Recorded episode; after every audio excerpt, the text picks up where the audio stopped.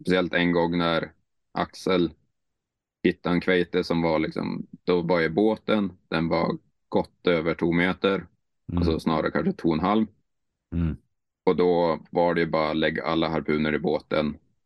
Sen fick vi dyka en och en, försöka Mm. filma och fota Mm. på den upplevelsen. Bara komma fint och roligt fram till den. Eh, ja, det slutade väl med att jag fick hoppa i. Mm. Eh, tog över båtvakten och då fick man dyka ner och liksom, ja, jag kunde peta på lusen som satt på kveiten och flytta på den. Mm. Och bara se att den sitter och stirrar, eller ligger där och stirrar på en med Mm. ögonen som går bakåt. Mm. Och sen, jag vet inte efter hur många, 10-15 neddyk så vart den lej och svömt iväg. Ja. Men det är ju också, den lyfter ju liksom, det är inte som en liten kveite som sticker iväg i 110 kilometer i timmen direkt, utan den bara svävar iväg som en flygande matta och knappt att den rör på sig, men den svämmar ju fortsatt snabbare än vad du lyckas svämma i full hastighet. Så det är en ja, väldigt mäktig känsla, absolut. Velkommen til Havkontoret. Mitt navn er Øystein. Jeg er sosionom, musiker og undervannsjeger. Denne podkasten er en serie intervjuer der vi snakker om hav. Det blir fridykking, men også fisk, fiskeri, miljøvern, bærekraft, jaktteknikk, skalldyr, matlaging, våtvett og livsnytelse. Hvordan får en nok tid på sjøen, i en travel hverdag med jobb og familie? Er det håp for torsken i Oslofjorden? Hvordan står det til med kveitebestanden i Sunnhordland? Er det lyren som er dum, eller er det vi som er det? Hvor finner en kamskjell, og hvor mange skal en ta? Hvordan får en kresne unger til å spise fisk? Og hvem er havets fasan, og hvordan får du øye på han? Bare overflaten. Episode 7 Joel Burman, første svenske på havkontoret. En veldig uh, fin, uh, jordnær fyr. Som kan masse om kveitejakt. Vi får lære veldig mye om eh, undervannsjakt i Tromsø-området i denne episoden her. Mange gode historier fra jakt i dette området. Sjekk han ut på Instagram, Sail and Slay. Og følg også selvfølgelig Havkontoret på Facebook og Instagram. Hallo, eh, Joel. Velkommen til Havkontoret. Tackar, tackar. Prøvde å eh, snoke litt på nettet em, hva, du, hva du jobber med, hva du driver med og sånn. Er det- Stemmer det at du bor på en båt? Det gör det. Så jag bor på båt med kärasten sedan fem år tillbaka tror jag. Börjar bli en stund nu. Ja.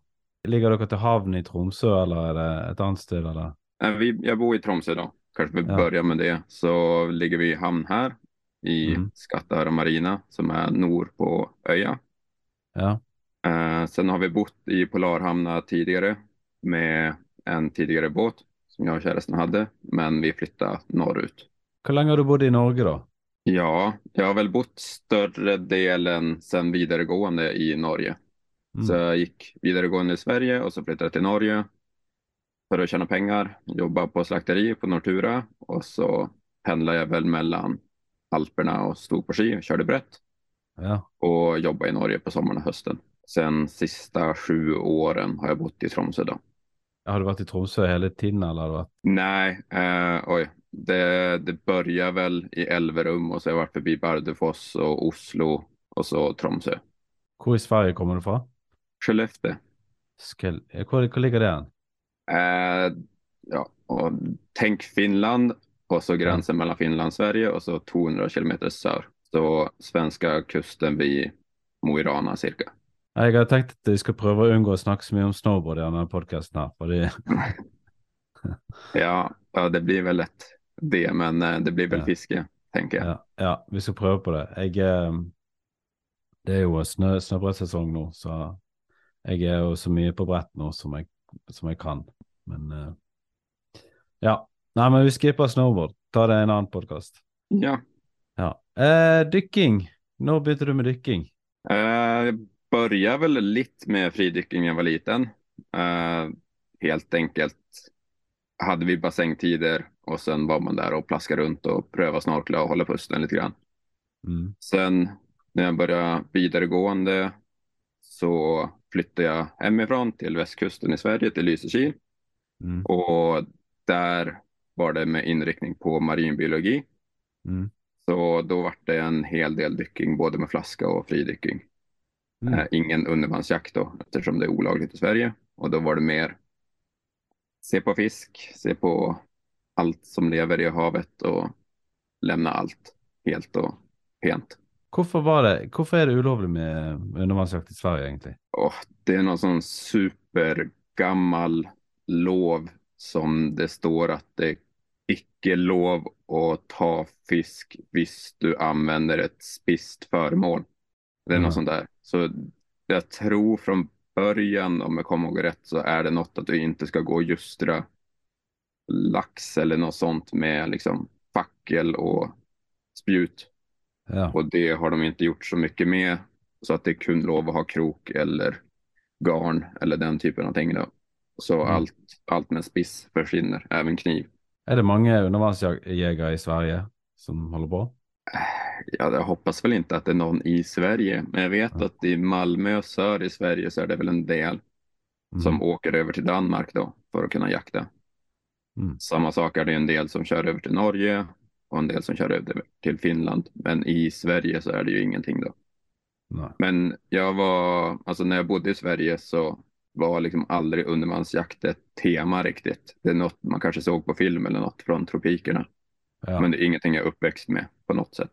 Så det var först när jag flyttade till Tromsö egentligen att jag började ja, få upp ögonen för det. Att det faktiskt var en sport och en hobby. Hva var det som eh, startet den hobbyen, da? Det är väl en lite göj historia då, för det är en god vän till mig som Mm. har blivit yrkesfiskare nu, David. Eh, Mm. han, ja, han och jag började dyka en del med flaska och en del med fridykking när jag flyttade upp hit. Mm. Och han är en sån som alltid vill eh, fånga något som går att spisa. Går det att Mm. spisa så är han väldigt intresserad. Går det icke att spisa så ja, då kan det få, då är det inte så intressant. Mm. Han hade ju varit på Nashbill på fastlandet eh, vid Tromsö. Skulle gå hem tidigt på morgonen på sommaren. Gick över Tromsöbrua och så såg han ner och så stod det torsk där.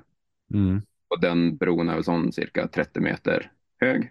Så Mm. det är en god, gott stycke ner. Mm. Så han gick hem. Eh, försökte komma på hur skulle han få fånga den torsken som står där bakom Mm. bropilaren i strömmen. Han Mm. tänker det går inte att slänga ner ett snor för att dra den upp. Så då köpte en harpun Mm. lite som bakfylleångest. Fann den billig på Finn, beställde hem den. Eh, Och så fick han hem den en vecka senare. Vi satt och såg på den och lurade lite på ja, hur fungerar ens en sån här. Mm. Så ja, vi fick det där skjutlinan någorlunda att surra fast och så på med fridykarutstyret och svämte ut dit till bron. Eh, och så hade vi bara en harpun, ingen böje, ingen, ingenting. Och det är ja, inte det bästa platsen att vara ny på, för det är väldigt mycket ström och Mm. mycket trafik. Mm. Eh, men det var mycket torsk då. Så han svämte ner, det var inget som kom närt. Han gav harpunen till mig, jag svämte ner och så kommer en sån torsk fram. Mm. Ska se på mothaken, se vad det är för något, något som går att spisa. Så jag tänker jag må ju se om sikringen är på eller av. Mm. Så bara pröva skjuta och så får man en sån skicklig eh, grillspy då. Så pilen Mm. går igenom hela fisken och svämmar upp till överflata och så sitter vi där i strömmen och bara jaha, hur får vi av det här då? Så det tog ju säkert kvarter, 20 minuter innan vi lyckades få av pilen och stoppa det in. Vi hade ingen böje som sagt, men vi hade ett fångstnät. Mm. Stoppa torsken i fångstnätet och så, ja, då var det igång. Då Mm. hade vi säkert en fem torsk efter den turen och syns det var väldigt göj då. Hvor mange år er dette siden? Fem år vill jag säga. Från cirka 2016, Ja. 17. Ja, Så det er masse bra undervannsjakt liksom eh, rett utenfor byen i, i Tromsø? ja alltså det är ju mycket fisk i Tromsösundet. Generellt väldigt dålig sikt. Mm. Relativt mycket båttrafik. Mm. Ehm, och sen är det väl lite sån spörsmål hur rent är vannet? Speciellt torsk som lever som bunn och ganska stationär. Vissa torskar i alla fall. Mm. Ehm, så har det varit en diskussion om det är lurt att spisa den torsken som är rätt under brua eller rätt i närheten eller om det är bättre att faktiskt köra iväg en bit och få lite klarare vatten. Men samtidigt är det väldigt, väldigt mycket ström. Alltså vi Mm. snackar, drar om bropilarerna kan det skilja en meter i liksom, höjden av vannet på vardera sida av bropilaren. Så det är, ibland klarar du att svömma mot det, men det är inte alltid. Nej. Eh, så du kan bli väldigt ivägspolad också. Men det är inte ett sted dere fortsatt dykker? Eh, nej. Ja. Eh, det var första två, tre turerna som vi ja, började inse att det gick att dyka där, för där fanns det fisk och sen insåg jag ganska fort att det är bättre ställen att dyka på. Ja, det är lite sånn med eh, samme her, egentlig. Det var, det var en sånn periode jeg drev og eksperimenterte med det å prøve å finne sånne steder som var nærmest mulig byen. Sånn at du skulle få, kunne dykke når du hadde lite tid og sånn. Så jeg var dykket på, på Laksevåg i Bergen, på Lyreneset. Og Der var det jo Det var faktisk fisk, men altså, jeg skjøt jo ingen av fiskene, for jeg var jo ikke sikker på om jeg tørde å spise de. Ja, Yes, og så da var, så da var det torsk som var greien til å begynne med. ja alltså det var väl torsk och egentligen allt som gick att finna. Det var lite starten. Så fort man fann en fisk som gick att skjuta så var jag superförnöjd. Mm. Fick jag en stenbit hem så var det perfekt. Eh, och sen ju mer man hade varit ute och ju bättre man blir så inser du ju att du kan bli mer och mer selektiv för annars får du för mycket eh, fisk i frysen. Mm. Så ja. Har du, har, du med, frys, eh, har du frys på båten? ja, vi har en 40 liters frys då. Ja. Den är väl normalt sett fylld med fisk eller krabba eller vad det nu är för något. ja. Eh, och sen har vi väl en fällesfrys på land med alla andra som bor i båt i hamnen. ja. Den, är, ja, den går väl också att fylla med fisk på sommaren men nu är den väl mest fylld med allt möjligt. Har du noe lyr i frysen, far? Har du noen torskepakker? Vil du det skal vare både vinter og vår, dårlig du vakuumerer? Kanskje krabbe, lysing og ål, tang og kråkeboller? Har du noe lyr, har du noe lyr, har du noe Nå om vinteren så är det ingen dykking, eller är det Eh, det går ju att plocka haneskäll då. Alltså icke kamskäll men lite mindre arktisk kusin kan man väl säga. Ja. Och blåskäll och sånt. Men det är väl ingen vad jag vet som finner fisk den här tiden på året här uppe. Nej. Utan det väntar till april, maj. Så börjar det bli liv i havet igen. ja. Men eh, en, typisk dag dere reiser og dykker, hva gjør dere da?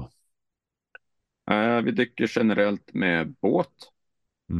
Eh, vi har en gummibåt i dykerklubben, SUT, som går att leja till noll kronor. Så det är väldigt fördelaktigt. Då betalar Ja. du bara bensin. Mm. Så har vi den eller så har vi ungefär en liknande fyra meters gummibåt privat också. Som bara Mm. ligger i hamnen. Så ja, alltså ta båten på hängare, kör till yttersida på de öarna runt Tromsö, Mm. uppe i havet, ut och dyka. Eh, och sen försöker vi gärna finna en plats med ström. Och då blir det väldigt fint att ha båt. För då hinner du flera drift på samma plats och köra upp med båten istället för antingen försöka svämma mot strömmen som är lite Mm. lönlöst för då är det det enda du gör. För då Mm. vara kvar på samma plats och du har inte riktigt, ja, det blir väldigt stressat att de ska dyka i tillägg och svårt att Mm. hålla pusten. Så ja, då letar vi fisk helt enkelt med båt.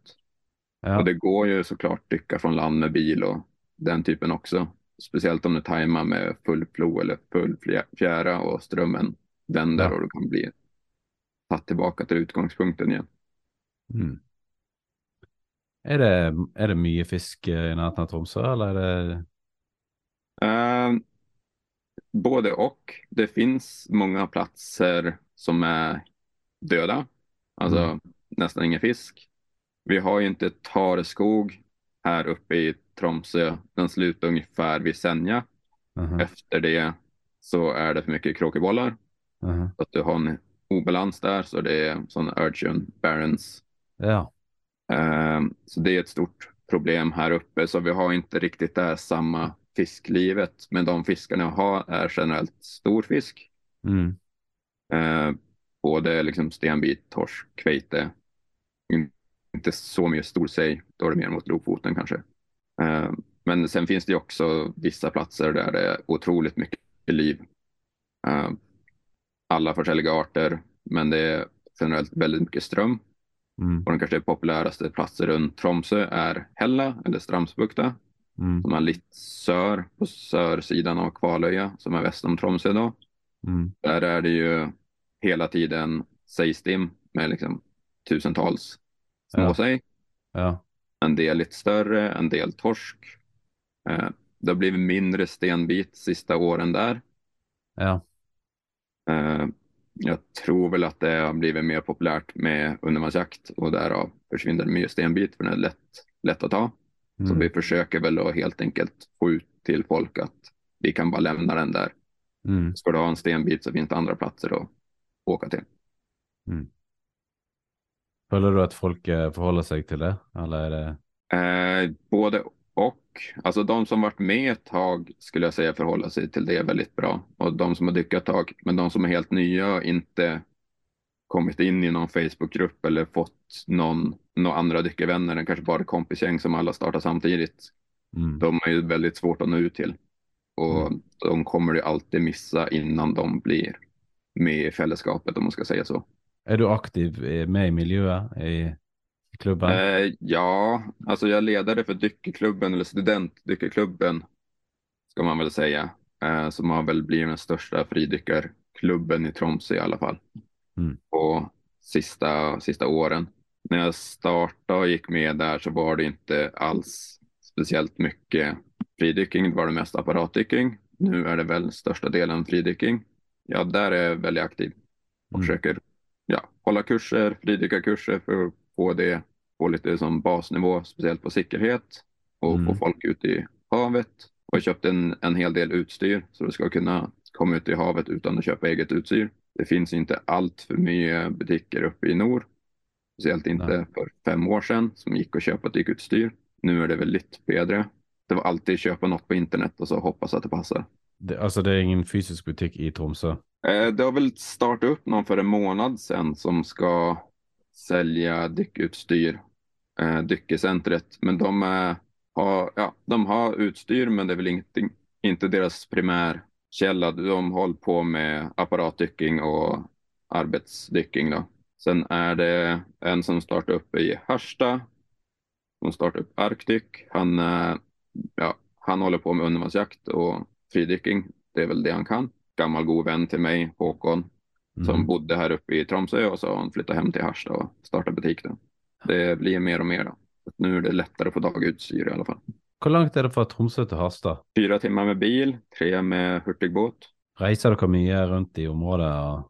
Ja, alltså när vi har, som sagt jag bor på segelbåt så vi försöker ta den ut några veckor på sommaren i alla fall. Har vi varit ner mot Lofoten några somrar och runt där. Varit och hälsat på Håkon i Harstad då. Eh, och sen har vi varit någon tur upp till Finnmark också. Och sen blir det på hösten en del långhelger att man bara tar segelbåten ut. Mm. Men eh, sen från Tromsö, det du når på en dagstur är ju ändå, kör du en timme med bil, sätter en båt och kör en timme till med båten, Mm. då har du ju väldigt stora områden att utforska. Denne kongekrabben, kommer den helt til Tromsø? Ja, jag har aldrig sett någon kongekrabba i Tromsö, Nei. men jag har hört andra, speciellt som dyker med flaska på vrak, att de har sett en del kongekrabba. Ja. Och det är en del som fiskar med teiner efter den, men det är inga mängder av den. Utan ja, ju längre öst du kommer, desto mer blir det. Ja. Hvor langt må dere kjøre for å komme til kongekrabben? Ja, alltså kör man till Altafjorden och sånt har jag hört det ska finnas lite runt i där. Ja. Men du har ju fritt fiske väst om Nordkap. Ja. eh, som det var snack om i förra episoden. Och så Mm. är det kvotreglerat öst om Nordkap. Mm. Så ska man plocka krabba så är det väst om Nordkap och där finns det väl några platser. Men det är väl kanske inte så mycket som är officiellt så att säga. Fins det taskekrabbe i Tromsø? Ja, det finns men det är inga mängder. Så Tromsö är ju sån lite mellan, eh, vad ska man säga, nordiskt klima med arter och det som är arktiskt. Så du har mycket som finns på, på Svalbard finns inte riktigt i Tromsö och mycket som finns i sör och mellersta Norge finns inte heller i Tromsö. Så taskekrabba, väldigt lite, väldigt lite brejflagg, ingen Ah. piggvar. Eh, och så. Men är du södra Senja så är det ju, då är det lyr och det är brejflabb och liksom taskekrabb och allt det. Är det på Mm. norra delen av Senja så är det väldigt, och så lite längre norrut så är det ja, ännu mindre. Så hvis dere får en lyr, så blir dere veldig glad? Ja, lyr det är som tropisk feriefisk känns det som. Ja, ja. ja det, det får til å føle meg heldig. Ja, Men i fridykkerklubben, ehm, der har dere kurs. Sant? Hva var den het den ku- klubben? SUT, SUT, det är en förkortning av Studenternas undervannsklubb Tromsö. Og der har de kurs, dere har kurs eh, i regi av SUT? Ja, så vi i den dykerklubben så lägger vi in instruktörer eller håller via klubben då. Kurs brukar jag hålla i vart fall en gång på hösten, en gång på våren. Mm. Det brukar väl bli två gånger cirka per höst och vår. Mm. Och så sliter vi lite mer att få instruktörer till att hålla apparat dykerkurs. Mm. Men det blir nog bättre nu framöver, hoppas vi i alla fall. Men SUT er bare for studenter? Nej, Nei. Det, det är helt fritt att gå med där om du är icke-student. Du kan vara ja, 60 år, det går helt fint och du kan vara 15 år också och komma in juniorer. Ja. Eh, Det är inget sånt krav på att vara student. Eh, Så, det er mange som kommer og tar kurs der, er det som ikke er studenter? Ja, alltså generellt så fyller vi upp kurserna inom en vecka. Så att Ja. det, det är mycket intresse för det, absolut. Så, och sen har vi ju, vi har pooltider två gånger i veckan nu som vi försöker Mm. hålla med instruktör, i alla fall på tisdagar då. Mm. Och så torsdagar mer sån egen träning. Så det hjälper också att vi kan ha, bruka de tiderna till att ja, hålla kurser också. Ja. Så att vi faktiskt har någon plats att vara och inte rätt ute i kallt hav på våren med fyra grader i vattnet. Det er fire grader i vannet på våren. Ja, alltså, ja, jag vet inte. Det, det är kallt. Jag brukar sällan se på klockan. Det är mer hur länge har du brain freeze? Ja, ja, ja. slutar du gråta? Och så Ja. då. Hva slags utstyr bruker dere eh, i, i Tromsø, da? Så det är nog samma som större delen av Norge. Det är 7 millimeter Mhm. våtdräkt. Mm. Det är vissa som har ni. ehm, men de jag känner som har haft ni har väl gått över till 7 millimeter. Ja. Så det är bara att finna gott utstyr och finna utstyr som speciellt som sitter gott. Ja. Så får du in mycket vann eller något som inte är helt tätt så kommer det bli kallt. Mm. Speciellt för damer så är det ju värt att lägga den tusenlappen extra på att köpa en skräddarsydd dräkt Å ja. jämfört med att bara köpa en. Även om det är en damedräkt så är ju sällan passformen helt optimal för damer, tyvärr. Ja. Män kommer ju mer som stöpt i en form och då kommer det ut som en fyrkant och det passar det mesta. Men damer Ja. har ju lite mer former som varierar. Så där kan jag absolut rekommendera att bara köpa in en skräddarsydd dräkt även för män och så får du något som sitter gott och det kostar så pass lite extra om du bara köper det rätt från leverantör. Nei, så bruker dere sånn vest under drakten? Eh, ja, jag brukar göra den sån Mm. från november, ja, november till april, maj. Ja. ja, er jeg litt pysete. Jeg begynner å bruke den i, i oktober. Ja, men det hjälper väldigt mycket tycker jag. Och det är väl lite det man kan ha. Du kan ha en 7 mm dräkt och så ha en 3 mm väst som du har på insidan då. mm. Och den kombinationen tycker jag är bättre än att köpa en extra 9 mm dräkt för vinterdyk då. Men du må jo ha så mye mer Du må jo ha mer bly, og det blir litt Ja. mer sånn cumbersome med selve dykkingen. da. Jeg har kjøpt meg 9 mm sokker, det syns jeg er utrolig digg. Ja, passar det till fotlommerna då? Ja, litt, det litt trangt, men ikke så trangt at det jeg får eh, dårlig blodsirkulasjon. Ja. Så um, det har jeg ikke hatt før når jeg fikk det for noen uker siden, og da ble det liksom så mye deiligere å dykke. Ja, Så i går dykket jeg i tre timer cirka. Så det er ikke så kaldt her, da, så, men det var jo minus fire grader og, på land. Så nå begynner det å bli litt varmere. Altså, det føles som det begynner å bli litt varmere. är det mycket fisk då? Men ja, det er lite fisk. Men det er liksom alltid noen som finner fisk, sant? og så legger de ut på sosiale medier, og så tror du at eh, fisken er tilbake, men så er det bare noen som har vært veldig, veldig heldig. Ja, ja, man ser ju bara de fina dagarna på sociala medier så. Ja, det er sant. det.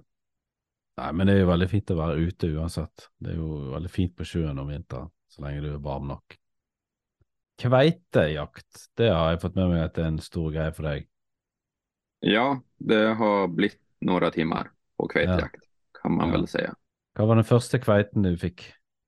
Ja, första kveiten, den, då var jag ute med en god vän. Jag hade väl, första kveiten jag såg var det också ute med samma vän, Sebastian, och några till. Och så skulle vi ut på kveitejakt. De behövde väl, de, det är väl Sebastian liksom varit min mentor mycket då och Mm. visa mig hur man ska göra. Så de behövde fylla upp en båt med folk och bjöd in mig eh, och någon annan. Eh, så var vi ute och tänkte okej, ungefär en halvtimme in där man får höra att okej, du ska leta efter en stor fisk på sandbunn. Mm. Se så mycket bunn som du bara kan, alta sand och det ser, sker ingenting. Så tänkte att det här är bara idioti. Alltså Mm. det är superkedligt. Du svämmar ner, lägger dig på åtta meter, driver med strömmen, ser på sand och så Mm. ser du ingenting. Mm. Men efter de två, tre timmar kanske så såg jag till slut ett stort liksom, ansikte som var rätt framför mig. Mm. Som bara stirrar på en. Eh, och jag liksom ser på den kveiten, kanske, jag vet inte, 40 kilo säger vi. Mm. Och börjar tänka, ska jag skjuta, ska jag icke skjuta? Det är en stor fin fisk, kanske bättre att den bara får simma vidare. Och så driftar jag förbi den, bestämmer för okej, jag ska skjuta och då sticker kveiten iväg. Jag Mm. skjuter ner i sanden och kommer upp, är lite smått förbannad och tänker okej, nästa gång, då, då ska jag skjuta kvete. Mm. Eh, men det var den, den tvekan som i, där och då var det ganska bittert. Men Mm. eh, jag bestämde väl för att det kanske inte var bara dumt att stirra på sand. Alltså. Efter det så fick jag väl tagit en liten kvete eh, någon månad senare. Men efter, sen tog det väl nästan ett halvår eller något innan jag fick liksom en första ordentlig kvete. Och även då tänkte jag att det här är ju ganska mycket idioti att lägga så mycket tid. För då hade jag varit ute, liten hytta, varit ute tre dagar i rad Mm. med sex, sju personer, fått upp tre, fyra kvejter kanske. Mm. Och så, jag hade ju sett några under vinstamål men ingenting annat. Och när du ser en fisk och har varit i vattnet i fem timmar så är det inte supergöj alltså. Speciellt om ni inte har, för då var jag relativt ny också så jag hade inte sett så mycket annat. Nei. Så, men eh, sista dagen, sista driften, liksom, det började bli djupt. Då såg jag från överflata en kvete som tänkte det här är i vart fall över minst mål. Kanske 20 kilo, svämte ner. Sen var det bredare sikte än jag hade tänkt. Så den växte och växte medan man svämmade ner. Sköt den, inser att den var ganska stor. Blåsan sticker iväg. Jag får hjälp av han Sebastian sen och ta ett andra skudd. Så han svämmar ner Mm. till 20 meter, skjuter den. Mm. Får den upp i båten och inser att den är ju 50 kilo. Mm. Det var ju adrenalinrush och liksom hela, hela processen då. att Liksom få den upp i båten, få kontroll på den, Mm. avliva den, blödga den och allt det där. Då var det ju ganska göj igen. Men Mm. eh, även efter det så tänkte jag att tre dagar för det är väl kanske, är det värt det eller är det bättre att skjuta torsk och stenbit och bara kosa sig och se på någonting. Mm. Så det är väl en rekommendation att icke, det är ingen vits att starta med kveitejakt för du är, ja, har fisk i frysen, var nöjd med det Mm. och vill gå, ja, pröva något nytt och helt enkelt komma ut på en tur och inte vara säker på att du får fisk. Nei, jeg, eh, jeg har fått én kveite. Jeg har sikkert snakket, med, snakket om den kveiten i alle episodene nå etter hvert. Det är ju något speciellt med kveite, just att du, du är inte garanterad av att få det, Mm. utan det är lite som att dra, jag vet, har ni enarmad bandit i Norge, en sån slottmaskin? Som bara dra i spaken och hoppas på vinst. Ja. Det är lite samma effekt tänker jag med kveite, att du drar ut och så hoppas du finna något. Ja. Och den stora delen av jakten är egentligen att leta, finna de goda platserna som du tror är god, men det är väldigt svårt att veta för att även om du inte finner någonting så kan det vara en bra plats, men inte den dagen. Ja. Och finner du en fisk en gång på en plats så kanske du aldrig finner en till på samma plats. Ja. Nei, det jo det er kanskje litt sånn. Det er det som er bra med at en, når en har liksom noen plasser som en går tilbake til. For da får du jo en litt sånn mer sånn fil om hva, hva som skal til for att det ska bli bra där. Ja, ja absolut. Så det är det att du måste ju lägga timmar och dagar för att få till det med knäcka den koden och lära dig. Var har jag sett Cater för? Mm. Är det bra en dålig plats och få lite magkänsla? Mm. Och det har vi diskuterat väldigt mycket i det kompisgänget som har varit mycket i lag ute och jakta. Men ja, det- är svårt att säga något facit alltså. Mm. Det var flera år jag tänkte att kveita i Tareskog eller i Tång, liksom, det är något man aldrig ser. Och sen var det ju, det var helt enkelt att ingen letar där, men det finns ju där med. Ja. Och kveite på stenhäll också kanske inte lika vanligt som sandbund, men det finns där med. Ja. Och ja, det finns ju kveite överallt. Det är bara det att vissa platser har väl mer kveite oftare. Ja. Och då kommer det in på det här klassiska, ha lite ström, ha sandbund, gärna lite varierat med tare och grövre sand och så djup i närheten. Ja. Alltså 30-60 plus meter. ja, ok.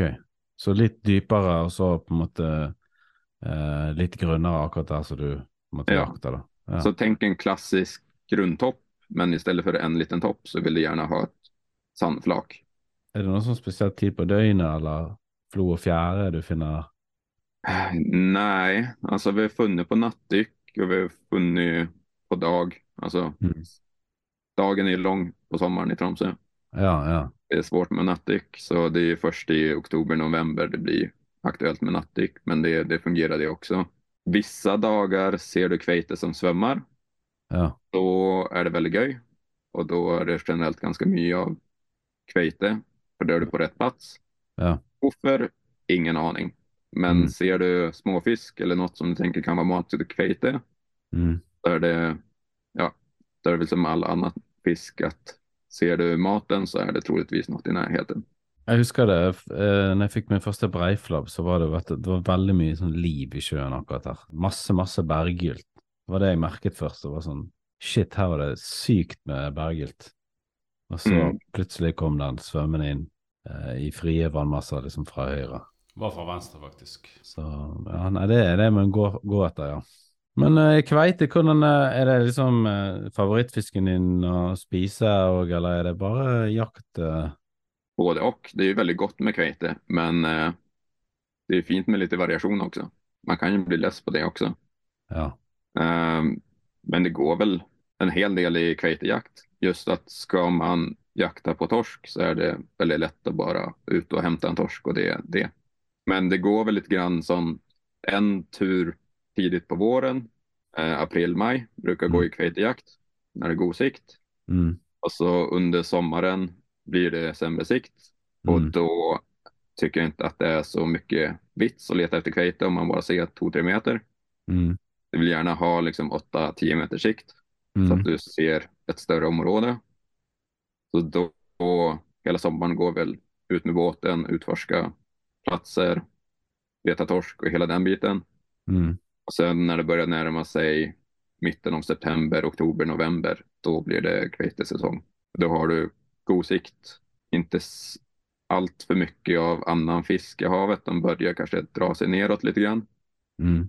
Eh, speciellt stenbiten är ju som sommar, vårfisk. Så då blir det ja, mycket kveitejakt. Ja. Hvordan eh, pleier dere å tilberede kveiten? Ja, vi har prövat mycket försäljning när du har favoritreceptet är väl kanske ta halebiten, kapa av den hel Mm. och köra den i ugnen. Så du startar med rotfrukter, alltså potatis, sötpotat, Mm. gulrot, steker det och så på med kveitehalen då och i den halen så kan du snitta upp lite hål och sen fylla det med smör och diverse kryddor Mm. så att det liksom får soka in i köttet sen då. Ja. Er, er halen spesielt god? Eh, den är lite tynnare eh, och det blir en fin bit att ha i ugnen. Så har du ben och hela den biten så du får smaka av det också.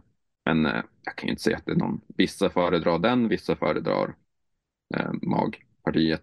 Vissa ska göra kotletter till varje pris och ja, det, det är smak och behag. Men var det så du prøvde deg litt som eh, altså kommersiell eh? Ja, eh, jag skrev klart min master i sommar och sen har jag letat jobb, så jag var arbetslös under hösten. Mm. Mer fritid, lite inkomst och så har jag börjat jobba nu eh, för två veckor sedan. Så under hösten då så behövde jag lite sidoinkomst. Mm. Vi har väl när vi varit ute på turer så har vi sålt en del fisk till fiskebruk Mm. och det har väl täckt bensin mer eller mindre om man har haft en bra dag. Har haft en dålig dag så täcker det ingenting. Mm. Eh, Så jag tänkte väl att går det faktiskt att tjäna lite pengar på ja, kveitejakt. Så jag var ute en del och när man har köpt egen båt så slipper man leja båt för 1500-2000 plus bensin. Mm. Eh, Där sparar du väldigt mycket per tur. Så har man egen båt, en liten gummibåt och liksom 400 kronor i bensin, det är de utgifterna har. Mm. Och sen börja hitta bra platser och veta hur du ska leta. Mm. Så gick jag ju ändå plus de flesta turerna. Mm. Jag tror jag snittar över en kveite på tur som var ute och letade det här året. Hvor mye får du for eh, kilopris på kveite? Jag tror väl minsta priset är på 65 nu. Ja. Eller ja, nu vet jag inte, men under hösten. Så mellan, säg 50 till 80 kronor kilot. Så hvis du har en kveite på 50 kilo, så får du Ja, men då ska jag tillägga att de priserna är för slöjdkveite. Så utan huvud och inmat. Ja. Och det är väl, ja, det, du kan ju sälja rundfisk, men det är väl, de vill att du tar ut det. Ja. Och det är väl cirka 25 procent, kanske 30 procent av vikten. Det er veldig lite. Ja, det är I väldigt mycket kött i en kveite. Alltså det är ju Ja. egentligen bara en stor tallrik och en muskel liksom. Ja, Som stort hode, men det är inte som en torsk att hälften försvinner. ja nei, jeg, ja, den kveiten som jeg fikk, da det var, den, Jeg hadde jo aldri sløyd kveite før, så jeg hadde jo aldri gjort det, men det var så utrolig enkelt. Ja, Det var meg og min svigerfar og min lille sønn, han var med, han spilte med slangen. Så det var bare på YouTube, og det var utrolig enkelt. ja. Så, Och det blir ju bara lättare ju större de är. Alltså har du en sån 50 kilos kveite, så länge du har en stor nog kniv då till att faktiskt kunna göra något, mm, så är det ju, det är väldigt göj, för du får så stora bitar. Alltså. Mm. Och filetera en sån är ju, det är ju lättare än att ta en liten rödspätta. ja. Du skär inte igenom några ben för att benen är relativt tjocka och du kan följa med på allt. Så du har god teknikk på kveitesløying? Ja, jag vet inte, det är inte jämfört med liksom yrkesfiskare. De tar ju Nej. mer än mig på en dag. Ja. Men vad jag gör på ett år, men ja, det har blivit en del då. Det har det. Men de torskene som dere får oppe i Tromsø, hvordan er, hva er størrelsen på de? Man ser väl mest dem runt 2-3 kilo. Mm, Sen går det att finna dem liksom 5 plus, kring 10. mm, Runt Tromsö tror jag inte riktigt har sett något mer än kanske 10 kilos. Men jag har inte letat så mycket stor torsk. nei. Man kör lite längre söderut runt Senjaområdet. Det där har jag väl tagit, den största jag tagit är runt 20 kilo då. Ja. Eh, Men den var i Tareskog då. Mm, Men det, det finns stor torsk här. Jag har aldrig varit och jaktat på skrej. Eh, Men det är väl också ett alternativ kanske om du har, jag vet inte, bra båt eller bor i Lofoten och kan komma ut där. Om du lyckas få dem på grunt vatten då. ja, det har jo vært noen som har prøvd. Ja, Det gikk jo ikke så bra, iallfall med de utenlandske. nej, eh, det är nog vanskligt alltså. Jag har ju en tanke om att Breivikbotten är på Söröja då. Där, Ja. där borde det gå. För där går det tydligen med juxemaskin får de upp på grunt vatten. Men Mm. då må du ju känna en fiskare som har båt där och vill ha med sig dig ut och det blir ju ett styr för det är väl en eller två timmar ut och köra med båt på öppet hav och sen lyckas få dem in under båten. Jag tänker rätt under båten är väl säkert 20 meter då. Ja. Eh, Så det är ett projekt. Men ett år kanske man får pröva. Du har tenkt å prøve å få det til? Ja, tänkt i alla fall. Men eh, sen om jag får det till eller får pröva någon gång, det är något helt annat. Man får ju alltid drömma, tänker jag. Men hvorfor du sier du må ha med yrkesfiskere for å få til det? Ja, eller de fiskar med juxemaskin då, så du, Ja. De börjar väl på sån 80-90 meter Ja. och så följer fisken med upp. Ju, om du fiskar fort och får dra den upp och sänka ner igen så följer torsken upp grundare och grundare och grundare. Ja. Och på en bra dag snackar de att det är torsk rätt under båten. Men alltså rätt under båten kan ju fort vara 20 meter eller 30 meter och då kanske inte är så aktuellt ändå. Så det är väl mer om man känner någon som är där och fiskar och kan hälsa på en vecka och bara hjälpa till. Ja. kanske du får en dag som du faktiskt går och pröva. Men eh, det var jo noen som snakket om eh, at du kan bruke sånn eh, Det var noen som bruker sånn Hva er det, sånn wobbler eller noe sånt så for å fiske opp storseien? Ja, det går helt säkert det med. Och det, vissa platser går väl skrejen rätt in i en båthamn på fyra meter. Mm. Och så tjockt att det inte ser bunn, så då är det väl bara att skjuta från overflata. Mm. Eh, Men du ska ju tajma det med utstyr i bilen då, på rätt Mm. plats. Ja. Nei, det er spennende med Sørøya. Jeg har sittet og jeg har sett litt på kartene der, egentlig. At eh, det ser egentlig ut som eh, Det ser interessant ut. Ja, jag har varit där med käresten med båt för Mm. fyra, fem år sedan. Mm. Det är ju det är väldigt fint där, absolut. Mm. Vi hade väldigt dålig sikt. Vi var väl i september. Jag tror oktober är väl där det börjar bli okej sikt där. Mhm. Eh, så vi, ja, vi såg ingenting. Käresten tog en brejflabb, men den försvann. Började tippa med gummibåten. Den välte i en kastvind. Så vi, det, vi hade aldrig någon fångst där. Nei. Hva, Så, hva Veltet gummibåten, og så uh, mistet Ja. breiflabben? Ja, så vi, vi hade, vi var ute och dyka. Vi hade en väldigt liten gummibåt, den var kanske två meter lång. Ja.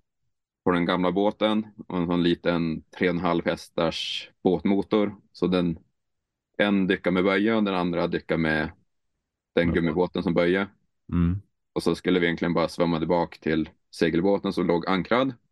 Och så ja, vart det väl på något sätt slack i linan Mm. när käresten då dyckade ner och kom upp igen. Och så vart det en bölge och en kastvind Mm. som helt enkelt flippade gummibåten upp och ner. Ja. Och då försvann ju allt vi hade i båten. Båtmotorn dränktes och vi fick väl aldrig till den i efterhand heller.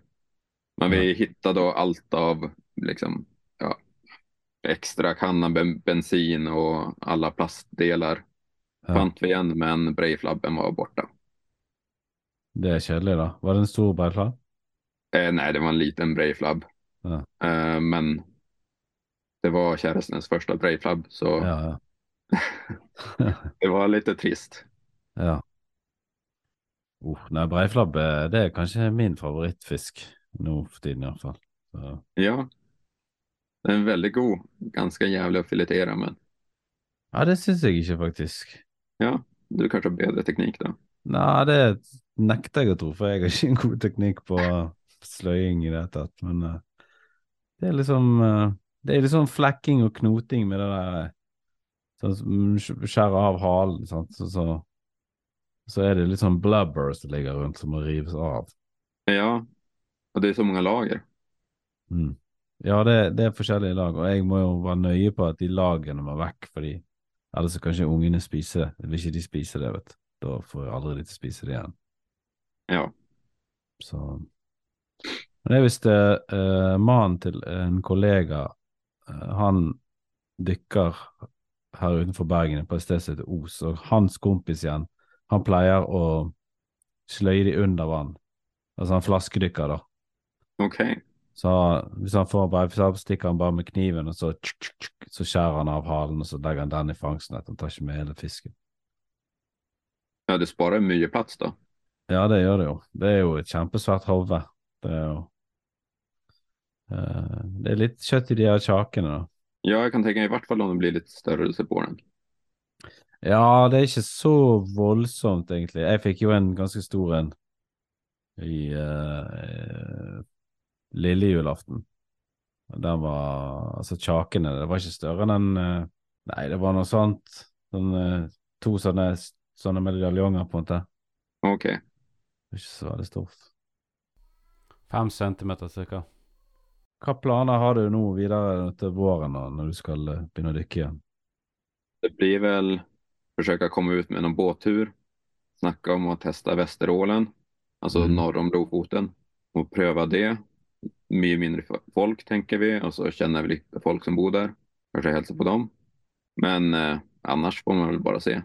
Jag har som sagt precis startat jobb så nu har man gått från att vara student i massa år och ha väldigt flexibelt till att heltidsjobb. Ja. Blir mer helgeturer och den typen av ting. Hva er det du jobber, jobber du med? Eh, Jag började jobba på UNN, så psykehuset, och ska Ja. implementera AI till, ja, till sjukhus. Och Ja. Det var väldigt dumt sagt, men eh, ordna så att patienter kan ta del av AI-lösningar. Du får jo sikkert dykket, du bor jo nærme sjøen.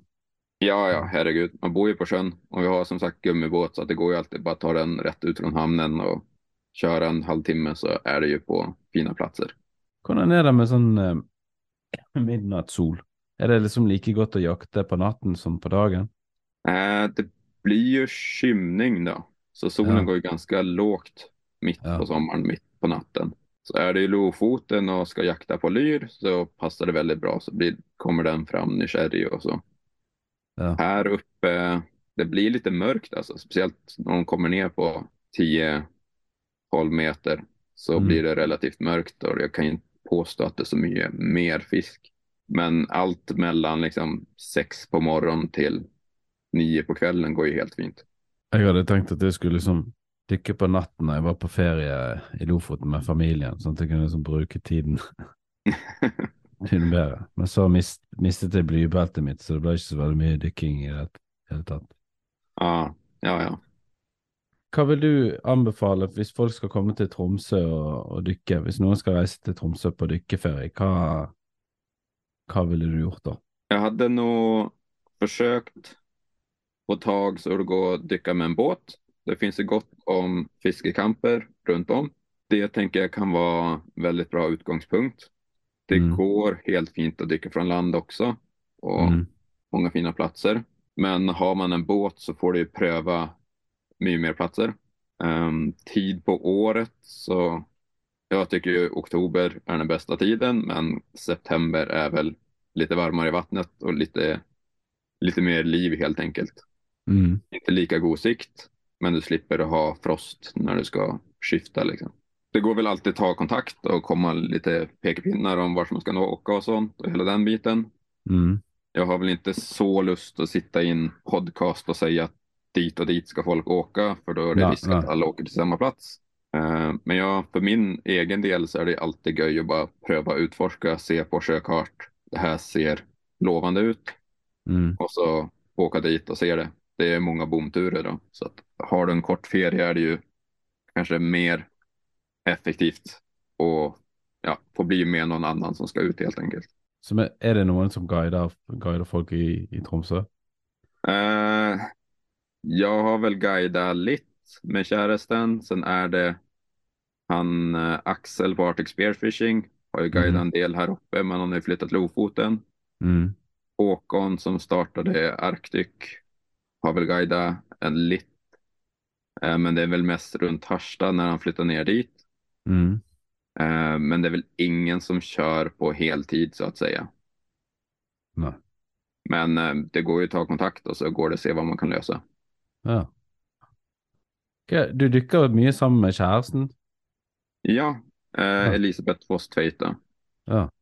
Så vi har varit en hel del på tur. Ja. Eh, jag vet inte vad jag ska säga mer än så. Nei, nei, nei det, det. Jeg synes det er interessant konsept.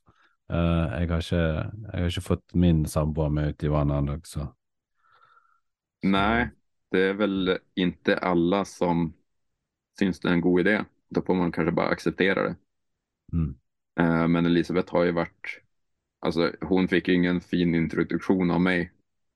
Eh, bland de första dyken var liksom på Hälla då, där det är massa, massa ström. Ja. Sen tror jag andra eller tredje dyket så var vi under Tromsöbrua. Ja. eh, för många, många år sedan. Det var väl inte helt eh, att rekommendera heller liksom som nybörjarplats där det är väldigt mycket ström. Och så vart de väldigt sjösjuk Ja. i starten. Så som regel så fort det var lite bölger så var hon och kastade upp lite grann i vattnet och så dyka lite till och så vart hon sliten och upp på land. Men eh, ja, jag vet inte om han är lite dum eller bara envis, men hon har fortsatt. Det har gått väldigt bra då. Det var ju det som skulle till kanske. Det måtte, det måtte være litt eh, høy eh, mestring, eh, mestringspotensial. Ja, och pröva något som är vanskligt tills man får det till så går det ju till slut. Ja.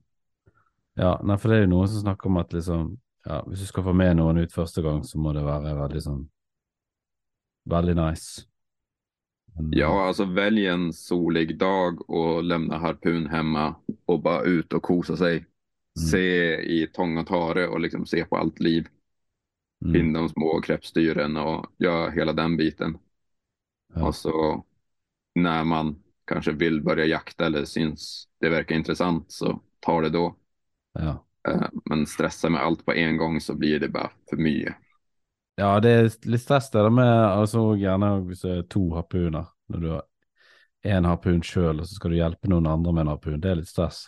Ja, och det ska du. Du startar ju inte med kveitejakt så du kan ju bara dela på en harpun. Det går ju helt fint. Mm. Det med. Alltså. Och då är väl bättre att kunna hjälpa någon att ladda och visa hur man gör och ha en, ett vapen hålla koll på, inte flera. Ja, det er sant. Det hadde vært trist om eh, kjæresten hadde blitt dratt, dratt med av gårde med en kveite. Ja, då får man väl bara hoppas att man har riggat det rätt så att man kan släppa allt och inte sitta fast i den. Så det är väl, ja. Ja. Helt enkelt, eller jag kan väl nämna det. Det blir väl hopp lite fram och tillbaka, men Mm. när vi är ute och jaktar på kveite så försöker vi rigga med breakaway då. Så att Ja. skjuter du med harpunen så är det inget som sitter fast i den, utan pilen sitter rätt i flytlinan. Ja. har nog stor blåsa till att ja, den inte blir dratt ner och blir den Mm. dratt ner så är det overtryck så den kommer upp igen. Och det gör väl att skulle den kveiten dra ner på djupet och aldrig komma upp igen eller att det är något som sker så Mm. får du i alla fall behålla harpunen. Och så har väl så att vi sitter fast i harpunen i viktbältet. Mm. Men då när vi skjuter så lossnar allt. Då sitter vi inte fast i, i bojen längre då. Nei. Och är det något som skulle trassla sig så har vi en sån quick release spänne. Eh, vad det nu heter, det är jag lite osäker på, men finns att köpa på Biltema. Att du Ja. bara drar ett snor. Eller du har en liten, ja, du behöver bara dra den oavsett hur mycket vikt det är på den så lossnar det. På beltet, liksom? Eller på Ja, på bälte. Ja. Eh, jag kan skicka en bild sen eller något så, Mm. Ja. så är det. För att ha en sån karbin och försöka dra av den, det blir jag lika stressad varje gång det kommer med någon sån frivanslivsklips. Ja. De säger att det går superfint att dra av, men är det mycket press på den så ser det inte så lätt ut. Er den belte den vanlige standard? Ja, den beltekroken? bältekroken. Den er vel kanskje ikke laget for store kveiter, egentlig. Nej, jag, jag tror inte det var det de tänkte på när de designade den. Men eh, den funkar säkert bra till allt annat då. Nei, så jeg tenkte egentlig det at hvis på en måte det er en veldig stor fisk, så er det jo bedre på en måte bare å holde harpunen i hånden. Så når du skyter, så kan du bare holde i linen når du svømmer opp, og så har du likevel Ja, kontroll på harpunen. ja, ja, alltså. Och för min del då, om man skjuter en fisk så sitter som sagt harpunen fast i bältet så jag kan släppa allt. Mm. Och den, den är kvar vid sidan av en. Mm. Den flyter ju väldigt gott utan pil. Så den kommer oavsett upp till överflaten. Ja. Och sen eh, ett annat tips om man ska på kveitejakt är väl att ha en sån bungeelina som Ja. sträcker ut sig till tre gånger längden. Mm. Så att om en stor fisk simmar iväg, speciellt om det är ett dåligt skudd, så blir det inte de rycken i linan så får man ha en fast lina. Mm. Eh, och det är mycket mindre chans att du sliter ut pilen. För det är Mm. en sån klassisk, skjuter du kveite och inte träffar i skallen, Mm. utan det träffar i muskeln så simmar de tills de sliter av antingen pilen eller att hela pilen går igenom Mm. sidofilén på fisken och bara lossnar till slut. Om du har för mycket press på linan eller att det ligger och rycker. Då. Men det är speciellt hvis de är väldigt stora och starka, att de klarar Mm, nej, jag skulle, alltså, det är lika stor sannolikhet på en 10 kilos som en 40 kilos. Mer, kommer det över 40 kilo så är det så, så pass mycket kött att de brukar sitta bättre. Då har en stor fisk i förhållande till pilen. Mm. Eh, Men träffar du magen till exempel så är det alltid, alltid en chansning. Mm. Eh, Så där också träffa i skallen. Så ha nog med kraft så att du går igenom ben så du inte bara studsar. Ja. Om du har en liten sån 75 centimeter harpun med ett strick så har du inga garantier och du måste väldigt nära. Men ja, 100-110 centimeter med dobbelstrick så har du som Ja. regel mer än nog.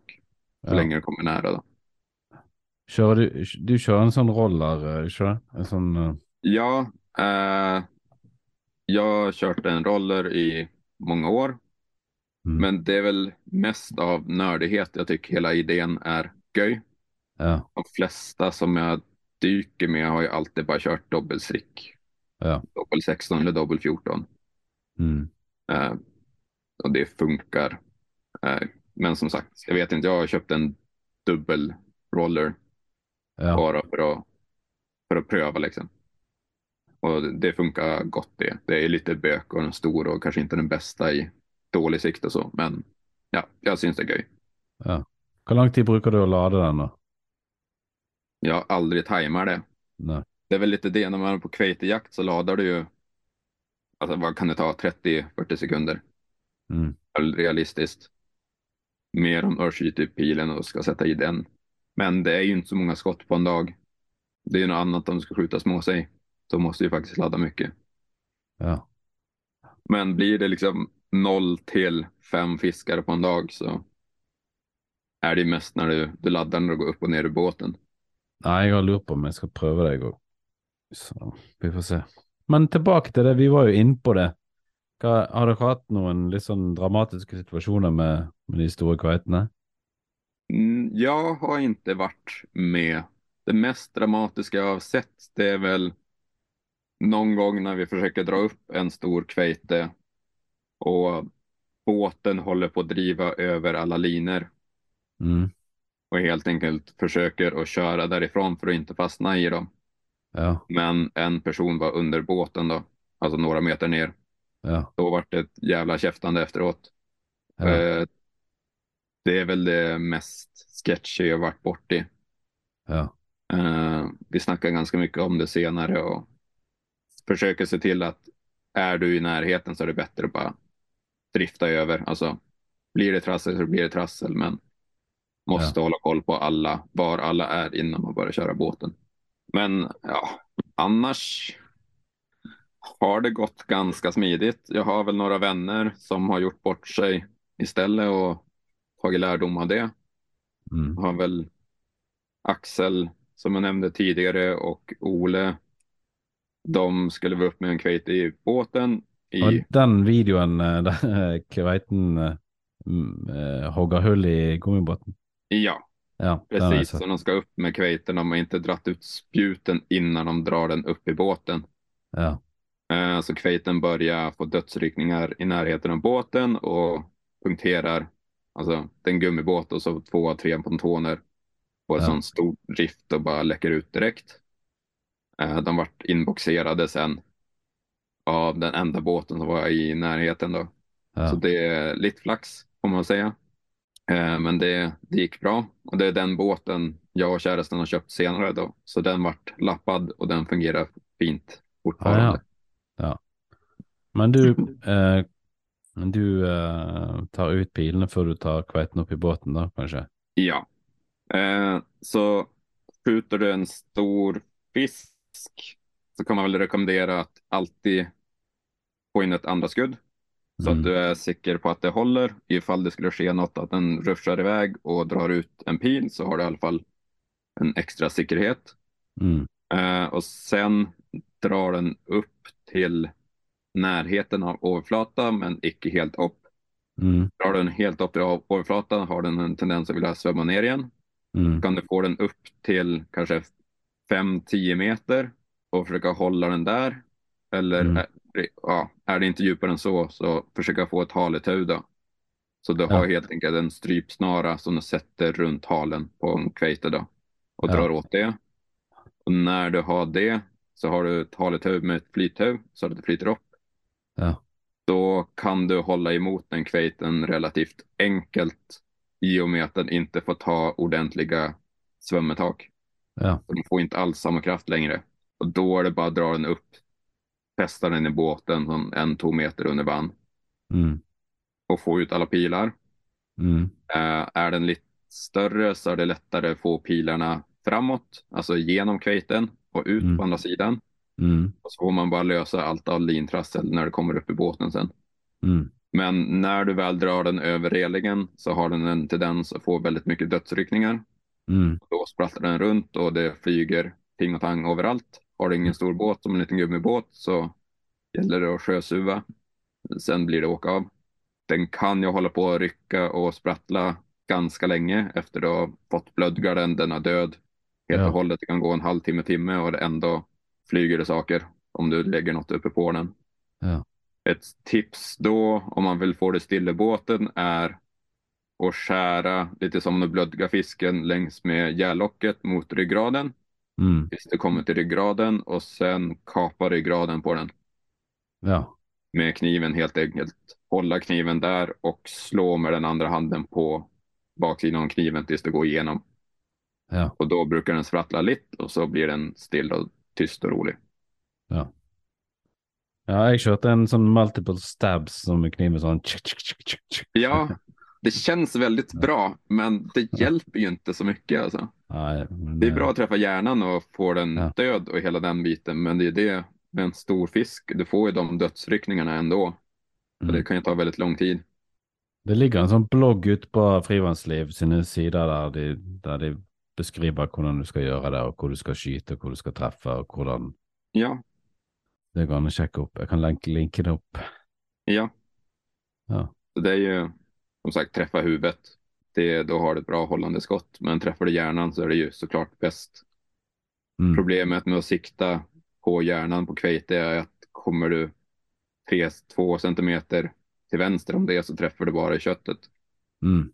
Eh, och då har du ett väldigt dåligt skott. Eh, Mm. Så är man inte säker på hur du kommer att träffa den så är det kanske säkrare att träffa mitt i skallen då. Mm. Eh, och jag startade, när jag började hitta kveite så såg jag alltid ögonen på den. Mm. Det, det var några gånger som man psykade ut och bara missade hela fisken. Och det känns så dumt att du har liksom en stor eh, dasslock, liksom, det är en stor, stor fisk och så missar du hela fisken. Mm. Den ligger helt i ro. Så nu brukar jag bara få se på den lilla sidofinnen Mm. och så en tumme upp från den. Flyter du Mm. där så har du ganska god sannsynlighet att träffa ryggraden. Och om inte annat så har du ett väldigt bra hållande skott. Ja. Jeg, jeg syns på en måte at eh, Jeg så jo først øynene, sånn som du beskrev det. Det var et eller annet Jeg syns det var veldig Det var veldig uttrykksfullt, det ansiktet di, dens. Ja, den ser ju sur ut. Ja, han ser Men- sur ut. ja. Just att den ligger där helt i ro och följer det med ögonen Mm. är en väldigt rar känsla. Alltså. Men han er jo sikkert sur. Ja, eller så är den väldigt nöjd med livet, vem vet? Det. Den blir ju sur om man skjuter den i huvudet i alla fall. Det, Ja, det blir eh, de ligger der og slapper av, de ligger og, og de jakter på noen fisk, og så kommer det et eller annet merkelig svømmende som de aldri har sett før. ja, Og så er de jo litt sånn eh, De er høyt oppe i næringskjeden. De er jo egentlig ganske eh, er dronningen i havet, sant. Så de Kanskje de blir og slett sur. ja. Kanske. Ja. Nei, men det er kult, eh, Joel. Da har vi masse god info her om eh, kveitejakt og, og, og undervannsjakt i, i Tromsø. Er det noe du har lyst til å eh, informere om? Jag kan väl snacka lite om liksom för stor kveite då. Ja. När den börjar komma över två meter. Mhm. Där har vi ju en lov som säger att all kveite över två meter ska icke tas i land. Mm. Eh, och det är ju inte superlätt att komma ner om du ser den, den där största fisken du någonsin har sett och sen går du ner med tumstocken och lägger den uppe på Mm. för att måla upp det. Men där är det väl att ha lite is i magen. Är den väldigt svär så är Mm. det som du sa att den är toppen av näringskedjan. Den är troligtvis inte rädd för dig. Mm. Så, så länge du svämmar ner och är väldigt still och rolig så kan det komma väldigt nära. Mm. Jag har väl gjort det någon gång när, det, när man är i tvil, precis som med på minsta mål. Där du Mm. också bara svämma ner, pröva, lägga en referens vid sidan av, alltså en harpun. Mm. Eh, och där har jag bara tejpat upp för minsta mål. Maxmål, då är det lite mer ögonmått. Du vet att pilen är x antal centimeter och kveiten mycket mer än det, så är den för stor då. Har du sett mange sånne kveiter? Eh, jag har väl sett, jag har väl hittat två, tre kanske. En som jag verkligen hade kunnat skjuta, men valde att avvakta och sen mäta upp den, kalla till käresten, Mm. diskutera lite, är den för stor, är den för liten, den är för stor, okej, då tar vi bara fotar den. Mm. Så den har väl varit med några gånger någon annan har hittat. Eh, speciellt en gång när Axel hittade en kveite som var liksom, då var i båten, den var gott över två meter, Mm. alltså snarare kanske två och en halv. Mm. Och då var det ju bara lägga alla harpuner i båten. Sen fick vi dyka en och en, försöka Mm. filma och fota Mm. på den upplevelsen. Bara komma fint och roligt fram till den. Det slutade väl med att jag fick hoppa i. Mm. Eh, tog över båtvakten och då fick man dyka ner och liksom, ja, jag kunde peta på lusen som satt på kveiten och flytta på den. Mm. Och bara se att den sitter och stirrar, eller ligger där och stirrar på en med Mm. ögonen som går bakåt. Mm. Och sen, jag vet inte efter hur många, 10-15 neddyk så vart den lej och svämt iväg. Ja. Men det är också, den lyfter ju liksom, det är inte som en liten kveite som sticker iväg i 110 kilometer i timmen direkt, utan den bara svävar iväg som en flygande matta och knappt att den rör på sig, men den svämmar ju fortsatt snabbare än vad du lyckas svämma i full hastighet. Så det är ja, väldigt mäktig känsla, absolut. Har du videoer og bilder av den store kveiten? Eh, ja, det ligger väl på Instagram som Ja. det mesta annat. Mikrocephalus på Instagram. Eh, jag har faktiskt skiftat namn nu för jag insåg att det kanske inte är så himla bra. När jag skaffade Instagram så var det bara mest på kudd för en Ja. massa år sedan. Så jag har väl döpt om mig till Sail and Slay då. Men eh, så det går väl säkert att hitta det. Hva var det nå heter? Sail and Slay. Jag kan bara Sail skriva. Ja. Ja. Jeg sø søkte opp på Google mikro, det var noe som mikrocefali, det var en sånn syndrom sånn folk som får sånn bitte små hoder. Ja, jag har insett att för Somniosus microcephalus är liksom det vetenskapliga namnet på hårkärring. Å ja. Och det den sömniga med liten hjärna. Jag syns det var väldigt göj. För snart tio år sedan. ja. Och sen hade jag ingen aning om att det var liksom en sjukdom som människor kunde ha. Så jag insåg att åh, det här kanske inte var det bästa namnet att ha på Instagram. När det inte har något med det att göra. Du må se en film som heter eh, Freaks, Okej, med Todd Browning. Det er en sånn kultfilm fra 2030-tallet. ja, Der er det noen folk som har sånn bitte små hoder. ja. Nei, men det er kult, jo. Da, da sier jeg takk for, eh, takk for intervjuet. ja.